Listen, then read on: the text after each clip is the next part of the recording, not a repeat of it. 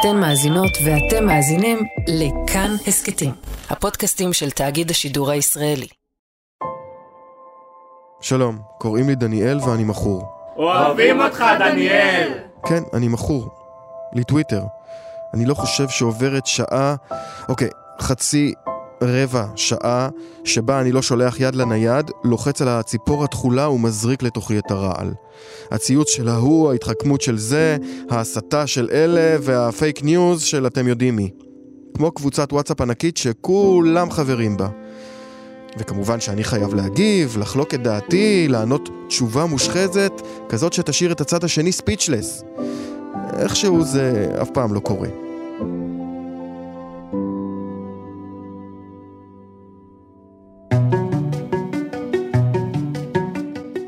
שוב שלום, אני דניאל אופיר ואתם מאזינים לעוד יום, הסכת האקטואליה של כאן. ואני יודע מה חלקכם חושבים עכשיו, טוויטר זה עניין של הברנז'ה, לא של העולם האמיתי. וזה נכון, אבל זה גם לא נכון, כי הרשת הלא מאוד נפוצה הזאת, בטח בהשוואה לפלטפורמות אחרות, קובעת סדר יום, ועוד איך שהיא משפיעה על העולם האמיתי, אולי אפילו יותר מדי. ומשהו דרמטי עובר עליה, ממש עכשיו. כן, ההתמכרות שלי, טוויטר, עברה בימים האחרונים ידיים. יש לה בעל בית חדש, האיש העשיר ביותר בעולם, אילון מאסק. והוא בא לעשות סדר. לא מוצא חן בעיניו איך שזה מתנהל, ולא, הוא לא חושב שהשיח שם פרוע מדי וחסר גבולות? בדיוק להפך. אבל זה כנראה לא העניין העיקרי, וגם לא פיצ'ר כזה או אחר באפליקציה. למאסק, כמו למאסק, יש עוד תוכניות גדולות הרבה יותר. שמעתם על סופר אפליקציה? אז היום נדבר על כל המהלך הזה של רכישת טוויטר, וננסה להבין מה מתרקם במוח של המיליארדר, היזם האקסצנטרי. נעשה את זה בעזרת שניים, שני יובלים. דוקטור יובל דרור, עיתונאי, חוקר טכנולוגיה ומגיש ההסכת עושים טכנולוגיה, ויובל ויינרב, מייסד שותף בחברה לליווי סטארט-אפים ומנחה ההסכת להבין את סין. שלום דוקטור יובל דרור. אהלן אהלן. יובל, השתלשלות העניינים בכל הנוגע לרכישת טוויטר בידי אילון מאסק הייתה, בוא נגיד, די הזויה. נכון? מה, מה היה לנו שם? בלשון המעטה, זאת אומרת, אם ננסה להבין מה היה שם, אנחנו פשוט לא נצא מזה. אז אולי כדאי שנעשה רק תקציר. בעצם אילון מאסק אה, הוא המצייץ הידוע ביותר בעולם, יש לו באמת אה, עשרות מיליוני עוקבים, והוא בעצם מכור למוצר הזה. צריך להגיד, הוא פשוט מכור למוצר הזה. והוא גם האדם העשיר ביותר בעולם, ובשלב מסוים הוא אמר לעצמו, רגע, אולי אני אדע לנהל את החברה, את המוצר הזה, שאני כל כך מכור אליו, אולי אני אעשה את זה יותר טוב. אז אמרו לו, טוב, תפסיק, אתה ליצן. אז הוא אמר, באמת, ליצן גייס כסף, הגיש הצעה לרכישת טוויטר, טוויטר חשבו, חשבו, חשבו, בסוף אמרו, אתה יודע מה? בסדר. ואז אילון מאסק הבין שהוא נדפק.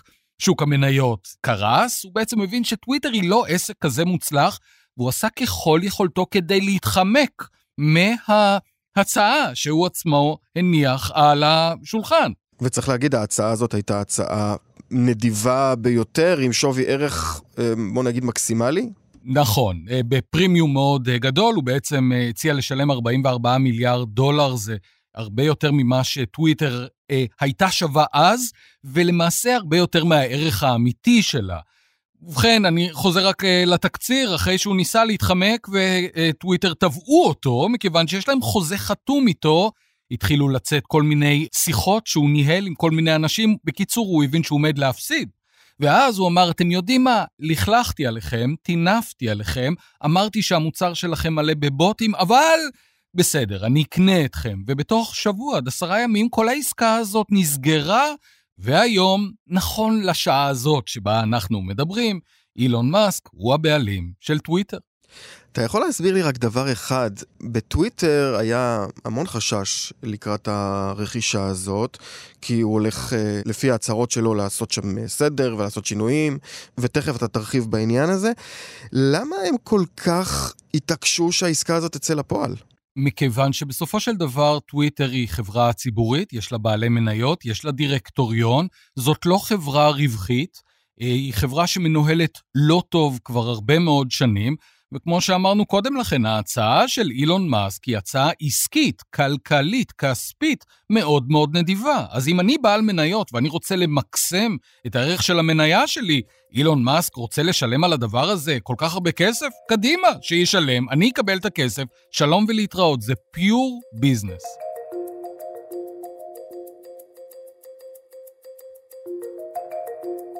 עכשיו בוא נגיד כמה מילים על טוויטר, למי שבכל זאת לא מכיר מקרוב את הפלטפורמה הזאת.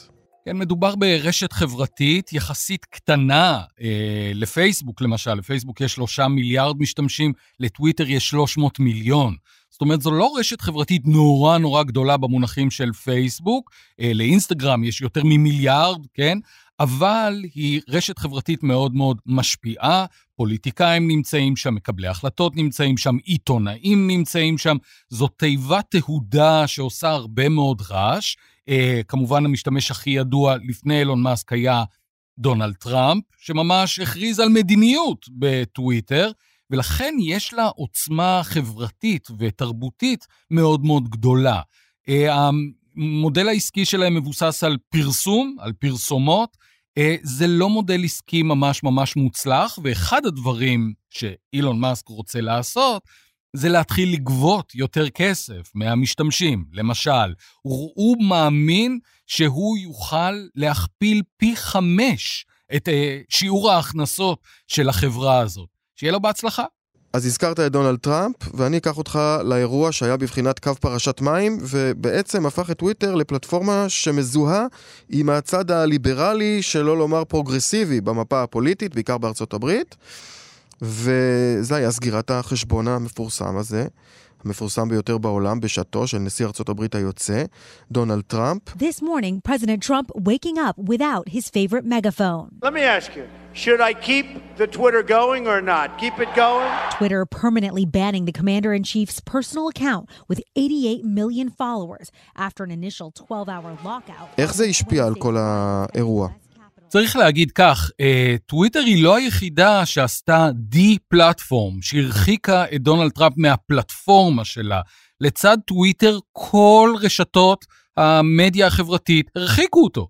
טוויטר היא לא היחידה, אינסטגרם הרחיקו אותו, פייסבוק הרחיקו אותו, יוטיוב הרחיקו אותו. זאת אומרת, זו הייתה ממש אה, החלטה של כמעט כל מדיה חברתית, למעט באמת פלטפורמות המדיה החברתית של הימין הקיצוני. אבל אילון מאסק, כאשר הוא נכנס לתמונה, הוא אמר, אין מספיק חופש ביטוי בטוויטר, זה היה אחד מהדגלים שלו. וכאשר שאלו אותו, האם אתה חושב שצריך להחזיר את דונלד טראמפ לפלטפורמה, הוא אמר כן. ולכן האירוע הזה שבו אילון מאסק אה, בעצם משתלט על החברה, הוא אירוע שיכול לשנות גם את האופי של טוויטר וגם את האופן שבו היא קיבלה החלטות, את האופן שבו היא חשבה על ניהול תוכן, על צנזורה, על חסימה, כל הדברים האלה עומדים להשתנות, ולהערכתי הם עומדים להשתנות די מהר. אז תכף נדבר באמת על הצעדים האלה, אבל מה כל כך הפריע למאסק, והאם זה מה שהביא אותו לרכוש את טוויטר? אני, אם אתה שואל אותי, אני לא יודע מה הוא רוצה. בחיי, אני לא יודע, אני הייתי שמח לדעת, אתה יודע מה, אני לא בטוח שהייתי שמח לדעת מה הוא רוצה, אבל אני לא באמת יודע מה הוא רוצה, מכיוון שהטענה הזו, כאילו אין חופש ביטוי בטוויטר, היא טענה הזויה לחלוטין. בטוויטר, כמו ברשתות חברתיות אה, אחרות, בפלטפורמות אחרות, נאסר על הסתה ועל גזענות ועל בריונות ועל קריאות לרצח. זה משהו שנכנס גם תוך כדי, זאת אומרת הייתה איזושהי אבולוציה של הדבר הזה ובעקבות באמת המון בריונות והסתה לרצח וגזענות וכולי וכולי, אז התחילו להיווצר כללים לשיח קצת יותר שפוי. בוודאי, מכיוון שמי רוצה להיות חלק מפלטפורמה שבה אתה מתעסק ברפש כל הזמן, ובאיומים, ובקללות, ובתמונות של היטלר, וקריאות אה, לאנוס נשים, לא עלינו. זאת אומרת, אף אחד לא רוצה להיות חלק מזה. ולכן הפלטפורמות האלה, כדי שאנחנו נרצה להיות שם, בנו כללים די בסיסיים, שבהם יש בכל זאת איזה סוג של מותר ואסור. אז בא אה, אילון מאסק ואומר, יש בעיה עם חופש הביטוי בטוויטר, זאת נראית לי הזיה מוחלטת. הטענה הזאת נראית לי הזיה מוחלטת. מה עוד? שאם טוויטר היא פלטפורמה שמבוססת על מפרסמים? האם נייק, האם בנק פועלים, האם קוקה קולה ירצו לפרסם בפלטפורמה שבה ניאו-נאצים קוראים לשחוט יהודים או שחורים? הרי התאגידים האלה מיד יברחו. אז אה, כל הדבר הזה נראה כמו אה, הזיה, כמו איזושהי טענה שלא ברור מה יש מאחוריה, ואם אתה שואל אותי, אני לא באמת חושב שאילון מאסק באמת חשב על זה לעומק. אני חושב שהוא נורא אוהב להשתמש בטוויטר. הוא מקבל 700 אלף לייקים כאשר הוא אומר, טוסט עם גבינה צהובה זה הדבר הכי טעים על הבוקר. עכשיו, אני אומר לך, אם אתה מקבל 700 אלף לייקים כשאתה אומר את הדבר הזה, אתה באמת בטוח שאתה אדם נורא חכם. אתה באמת בטוח שאתה יכול לעשות נפלאות, הוא רק מוציא מילה מהפה ומאות אלפי אנשים מוחאים כפיים, ולכן אני לא הייתי משקיע יותר מדי אנרגיה בלנסות ולנתח את הטיעונים שלו, כי בחלקם ממש אין כלום. ממש, אין כלום.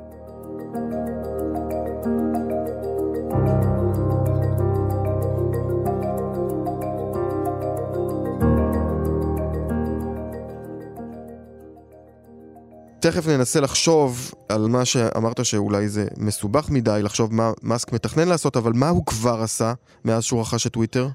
פיטר את כל העולם. הוא פיטר את המנכ"ל, הוא פיטר את ההנהלה הבכירה, הוא פיטר את כל הדירקטורים. מספר הדירקטורים שיושבים בדירקטוריון של טוויטר עומד על אחד, זה אילון מאסק. הוא הודיע שהוא אה, כנראה יפטר עשרות אחוזים מעובדי החברה. בשלב הראשון הוא עושה אה, ניקיון. זה האמת מרגיש קצת, קצת כמו הפיכה צבאית. עכשיו צריך להגיד, הוא השתלט על החברה, היא שלו, תמיד אומרים, תגיד, זה החברה של אבא שלך? כן, במקרה הזה זה ממש החברה שלו. זאת אומרת, הוא יכול לעשות מה שהוא רוצה, וזה בדיוק מה שהוא עושה, והוא עושה את זה מהר מאוד. ועכשיו השאלה היא לאן הוא רוצה ללכת הלאה. וכאן יש כל מיני כיוונים. הנה כיוון אחד. אה, אנשים משלמים חמישה דולר מדי חודש בשביל ה-V הכחול הזה. הוא אמר חמישה, למה לא עשרים? אמרו לו עשרים זה נורא יקר, הוא אמר טוב, שמונה. כן? שתבין, זה, זה ההתנהלות העסקית. הוא מדבר על זה שהוא רוצה להפוך את uh, טוויטר לסופר אפ. כמו וויצ'ט בסין, בעצם אפליקציה שתהיה הכל, היא תהיה גם תשלומים וגם סושיאל וגם כרטיס כניסה לחניון, היא תהיה הכל, סופר אפליקציה. אוקיי, העניין הוא שבסין יש מערכת רגולטורית מסוג אחד, בארצות הברית היא אחרת. שלא לדבר על זה שבגרמניה היא אחרת, במקסיקו היא אחרת, בסעודיה היא אחרת. זאת אומרת, זה לא מוצר רק אמריקאי, הוא צריך להתעסק עם כל העולם. אז הוא בעצם עכשיו צריך להחליט איך הוא גובה כסף. אני רגע פותח סוגריים, הוא צריך להחזיר מיליארד דולר בשנה, רק ריבית. ריבית על כל ההלוואה שהוא לקח בשביל לשלם על הדבר הזה. אז קודם כל הוא צריך לחשוב על המודל העסקי, אחרי זה הוא צריך לחשוב על הכיוון העתידי. יש לו הרבה מאוד על הצלחת, ואני מזכיר, הוא גם המנכ"ל של טסלה. יש לו את ה... XSpace שלו, כן, שהוא מאדים, יש לו איזה Boring Company שחופרת מנהרות, הוא בכלל מהנדס שנכנס עכשיו לתוך עולם התרבות והחברה והפוליטיקה, זה עומד להיות מעניין. וזאת יכולה להיות הצלחה מסחררת או התרסקות מפוארת. אני, אם היית מבקש ממני להמר, ולא ביקשת, אבל אני בכל זאת אהמר למרות שאני לא אדם מהמר, זה לא עומד להיגמר טוב. לדעתי, זה לא עומד להיגמר טוב. צריך להגיד לזכותו של מאסק, הוא אדם מפתיע, אה, הוא איש עסקים מאוד מאוד מיומן, יש על החגורה שלו לא מעט הצלחות. אי אפשר לזלזל באדם שהגיע למעמד של האדם העשיר ביותר בעולם, אז אני לא מזלזל בו, אני פשוט חושב שטוויטר היא מוצר בעייתי. ואני לא בטוח שהוא הבין עד הסוף עד כמה היא בעייתית ולאיזה מבוך הוא נכנס. אבל, אתה יודע, אנחנו מדברים כמה, כמה ימים אחרי שהוא רכש את החברה, בואו נחכה, נחכה, יש לנו זמן, נחכה, נחכה חצי שנה, נחכה שנה, בואו נדבר עוד שנה, נראה איפה הדברים עומדים. קבענו. דוקטור יובל דרור, תודה רבה. בשמחה. אבל כמו שדוקטור יובל דרור כבר ציין, החזון של מאסק ככל הנראה לא מוגבל רק למי יכול לצייץ ומה מותר לצייץ. מאסק הוא איש של חזון, כבר אמרנו, ולמאסק יש מודל עסקי גרנדיוזי שאת ההשראה אליו הוא שאב מהסופר אפליקציה הסינית WeChat. I mean, we don't even have uh, an app that's as good as WeChat in China. Uh, and like in China, you can like live on WeChat basically. Uh, yeah, it's like, yeah, everyone, everyone's like, they're like, you live on WeChat, you do payments, you do everything. It's like, yeah, it's great. Basically, WeChat's kick ass. Um, and we don't have anything like WeChat outside of China. So I was like, my idea would be like, how about if we just copy WeChat? Hey, we'll hey. copy them. Yeah, pretty much. אז כדי להבין מה זה סופר אפליקציה ואיך הדבר הזה משתלב בתוכניות של מאסק ובהשקעה העצומה שלו בטוויטר, שוחחתי עם יובל ויינרב, מייסד שותף בקריסטל 8, המלווה סטארט-אפים בשלבים מוקדמים, בתכנון וביצוע אסטרטגיה עסקית ושיווקית, וגם מנחה הפודקאסט להבין את סין. שלום יובל. שלום דניאל. יובל, מה זה וויצ'ט? אז וויצ'ט זה האפליקציה הכי פופולרית היום בסין, ואולי ככה בשביל להבין איך היא הגיעה למצב הזה, נסביר קצת מי עומד מאחוריה. מי שעומד מאחורי האפליקציה הזאת זה חברה בשם טנסנט, שיכול להיות שחלק מהמאזינים מכירים, חברה עם השווי שוק הכי גבוה בסין, נגעה בטריליון דולר ככה לפני שנה בערך, עכשיו קצת פחות. אבל WeChat היא בעצם אפליקציה שהחברה הזאת השיקה בערך לפני עשור. התחילה בתור תוכנת מסרים מיידיים ואיזשהו סוג של רשת חברתית. אפשר להגיד שזה היה בזמנו מין שילוב כזה של וואטסאפ ופייסבוק, אפשר להגיד אם, אם לפשט את זה, שהפכה להיות מאוד מאוד פופולרית בסין, כמובן מותאמת בראש ובראשונה למובייל. בעצם מה שקרה זה שבשלב מסוים, טנסנט התחילה לבנות על הרשת החברתית והתוכנת מסרים מיידיים ושיחות הזאתי עוד ועוד שכבות של ערך. עכשיו, הם עשו את זה דרך זה שדבר ראשון חיברו לאפליקציה את שירותי התשלומים הדיגיטליים של טנסנט, שהם יחד עם השירות המקביל של עליבאבא בעצם חולשים על 95% משוק התשלומים הדיגיטליים בסין. וצריך להבין שבסין היום בעצם כמעט כל העסקאות נעשות בתשלומים דיגיטליים דרך החברות האלה. כלומר, המזומן כבר מת, כרטיס אשראי אף פעם לא באמת היה שם, והתשלומים הדיגיטליים האלה היום בעצם זה הדרך שבה כמעט כל הפעילות העסקית, בין אם זה של צרכנים, בין אם זה של חברות, מתנהלת בסין. וכשחיברו את השירות הזה של התשלומים הדיגיטליים לאפליקציה של וויצ'ט, נפתח איזשהו עולם, בוא נגיד, של אפשרויות, שפתאום המשתמשים יכולים לעשות דרך האפליקציה. זה התחיל מדברים קטנים כמו לשלוח מתנות לכבוד החג לחברים שלך בוויצ'ט דרך השירות תשלומים הדיגיטליים, לארנק הדיגיטלי שלהם, אבל באיזשהו שלב, טנסנט עשתה מהלך שבאמת הפך את וויצ'ט מאפליקציה מאוד מאוד פופולרית ויעילה לצרכים חברתיים בעיקר, לאפליקציה שבה בעצם רוב הסינים מנהלים את חייהם הדיגיטליים, שהיום זה כמעט זהה לחייהם באופן כללי, דרך האפליקציה הזאת. אז תן לנו דוגמאות מה הם עושים בוויצ'ט. אז בעצם היום בסין, רק בשביל להבין, מי שמשתמש בוויצ'ט, כשהוא רוצה להזמין מונית, אז הוא עושה את זה דרך וויצ'ט. כשהוא רוצה להזמין תור לרופא, זה קורה דרך וויצ'ט, כשהוא רוצה לשלם למונית או את החשבון לרופא או לבית חולים שלו, זה בוויצ'ט, כנ"ל חשבונות לרשויות המקומיות, אותו דבר לכמעט כל סוג של מדיה שהוא ירצה לצרוך, בין אם זה בלוגרים כאלה שהוא עוקב אחריהם, או אתרי החדשות שיש להם אפליקציות כאלה בתוך וויצ'ט, שזה אולי הנקודה שצריך להבין. איך זה בעצם הפך להיות מה שאפשר לעשות בו הכל, זה לא שהכל זה עוד פיצ'רים שהוספו לוויצ'ט, אלא מה שטנסנט עשתה מאוד חכם, וזה גם כנראה יהיה החזון של מאסק, אם הוא אי פעם ירצה באמת אה, לבנות מודל דומה, זה לבנות מה שהיא קוראת mini programs. עכשיו, mini programs זה בעצם אפליקציה בתוך האפליקציה. כלומר, הם הפכו את וויצ'ט מאיזושהי אפליקציה שיש לה כל מיני פיצ'רים, לפלטפורמה. שכל חברה שרוצה לבנות אפליקציה, יכולה לעשות את האפליקציה שלה ל-iOS ולאנדרואיד, כמו שקורה ברוב המקומות במערב היום, אבל הייתה לה עוד אופציה, שזה בעצם להגיד, אוקיי, גם ככה רוב משתמשי המובייל בסין, יש להם וויצ'ט, ובמילא זה אחת האפליקציות הכי פופולריות שלהם. אז הם יכולים בעצם לפתח את האפליקציה שלהם שתחיה בתוך האפליקציה של וויצ'ט, ולכן וויצ'ט נקראת עכשיו סופר אפליקציה, כי היא בעצם אפליקציה שמכילה בתוכה המון אפליקציות נוספות, ודרך זה, אה, זה לא רק שיש להם גישה לאפליקציה שהרבה, שבערך מיליארד סינים משתמשים ביום-יום, אלא הם בעצם נהנים גם מכל היכולת להבין את הרשתות החברתיות של המשתמשים.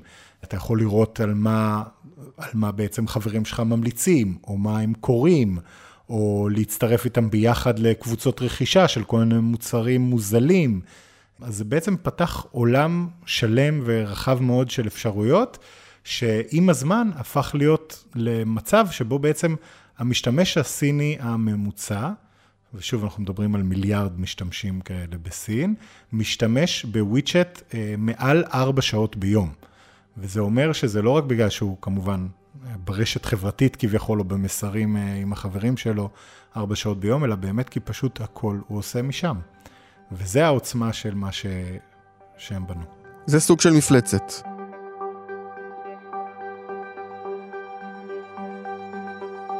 אני אהיה אולי טיפה קונספירטיבי, או אולי מציאותי, כשאני אגיד שזאת פלטפורמה שמתאימה לשלטון אוטוקרטי, ריכוזי, כזה כמו השלטון בסין, ששואף לשלוט כמה שיותר בחיי התושבים שלו. והשאלה, ואתה כבר רמזת על זה, וגם אני אמרתי את זה יותר מוקדם, שאילון מאסק מכוון לשם, לבנות את הסופר אפליקציה הזאת שמרכזת את כל השירותים האלה במקום אחד, האם זה מתאים לחברה המבוזרת, הדמוקרטית, הליברלית, המערבית שלנו?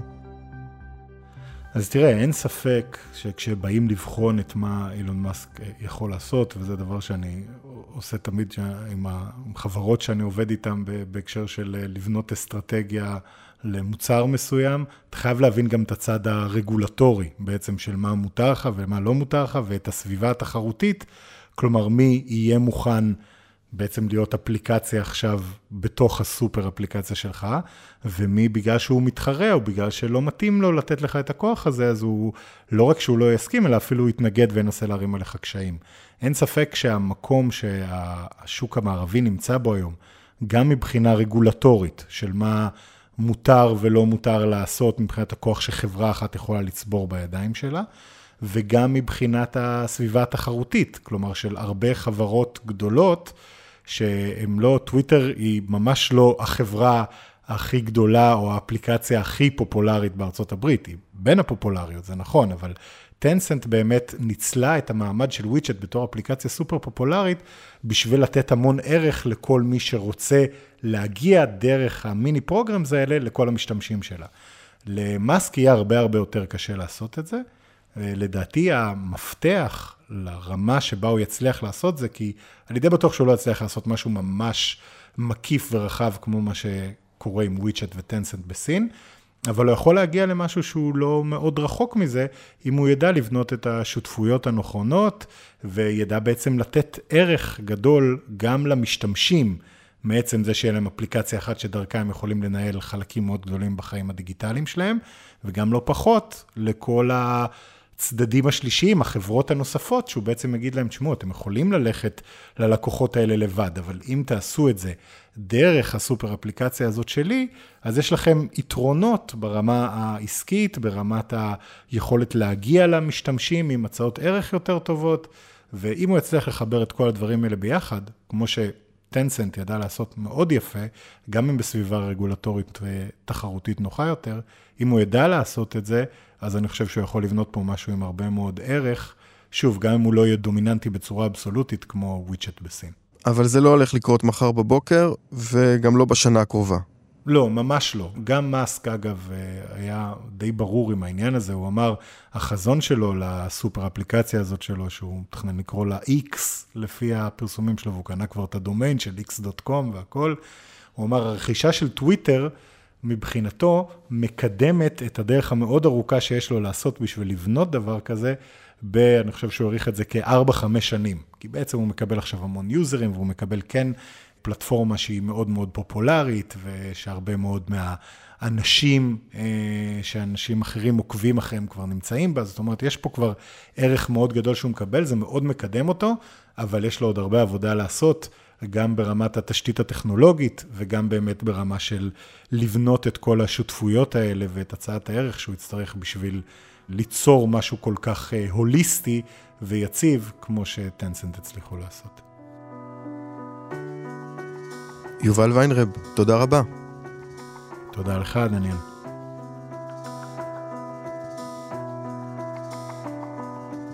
האזנתם לעוד יום. את עיצוב הקול והמיקס עשה אלעד זוהר, על הביצוע הטכני היה דרור רוטשטיין. בצוות עוד יום חבר גם יותם רוזנבלד. היה לכם מעניין? קדימה, תשתפו את הפרק. אם אתם מאזינים לנו בספוטיפיי או אפל פודקאסט, נשמח אם תיתנו לנו דירוג גבוה. הערות על מה שאמרנו אתם מוזמנים ומוזמנות לכתוב בקבוצת כאן הסכתים בפייסבוק. אפשר גם בחשבון שלי בפייסבוק, או איך לא, בטוויטר. פרקים חדשים של עוד יום עולים בימים ראשון, שלישי וחמישי, את כולם, וגם הסכתים נוספים מבית כאן, תוכלו למצוא בכל מקום שבו אתם מאזינים להסכתים, או באתר שלנו. אני דניאל אופיר, נשתמע.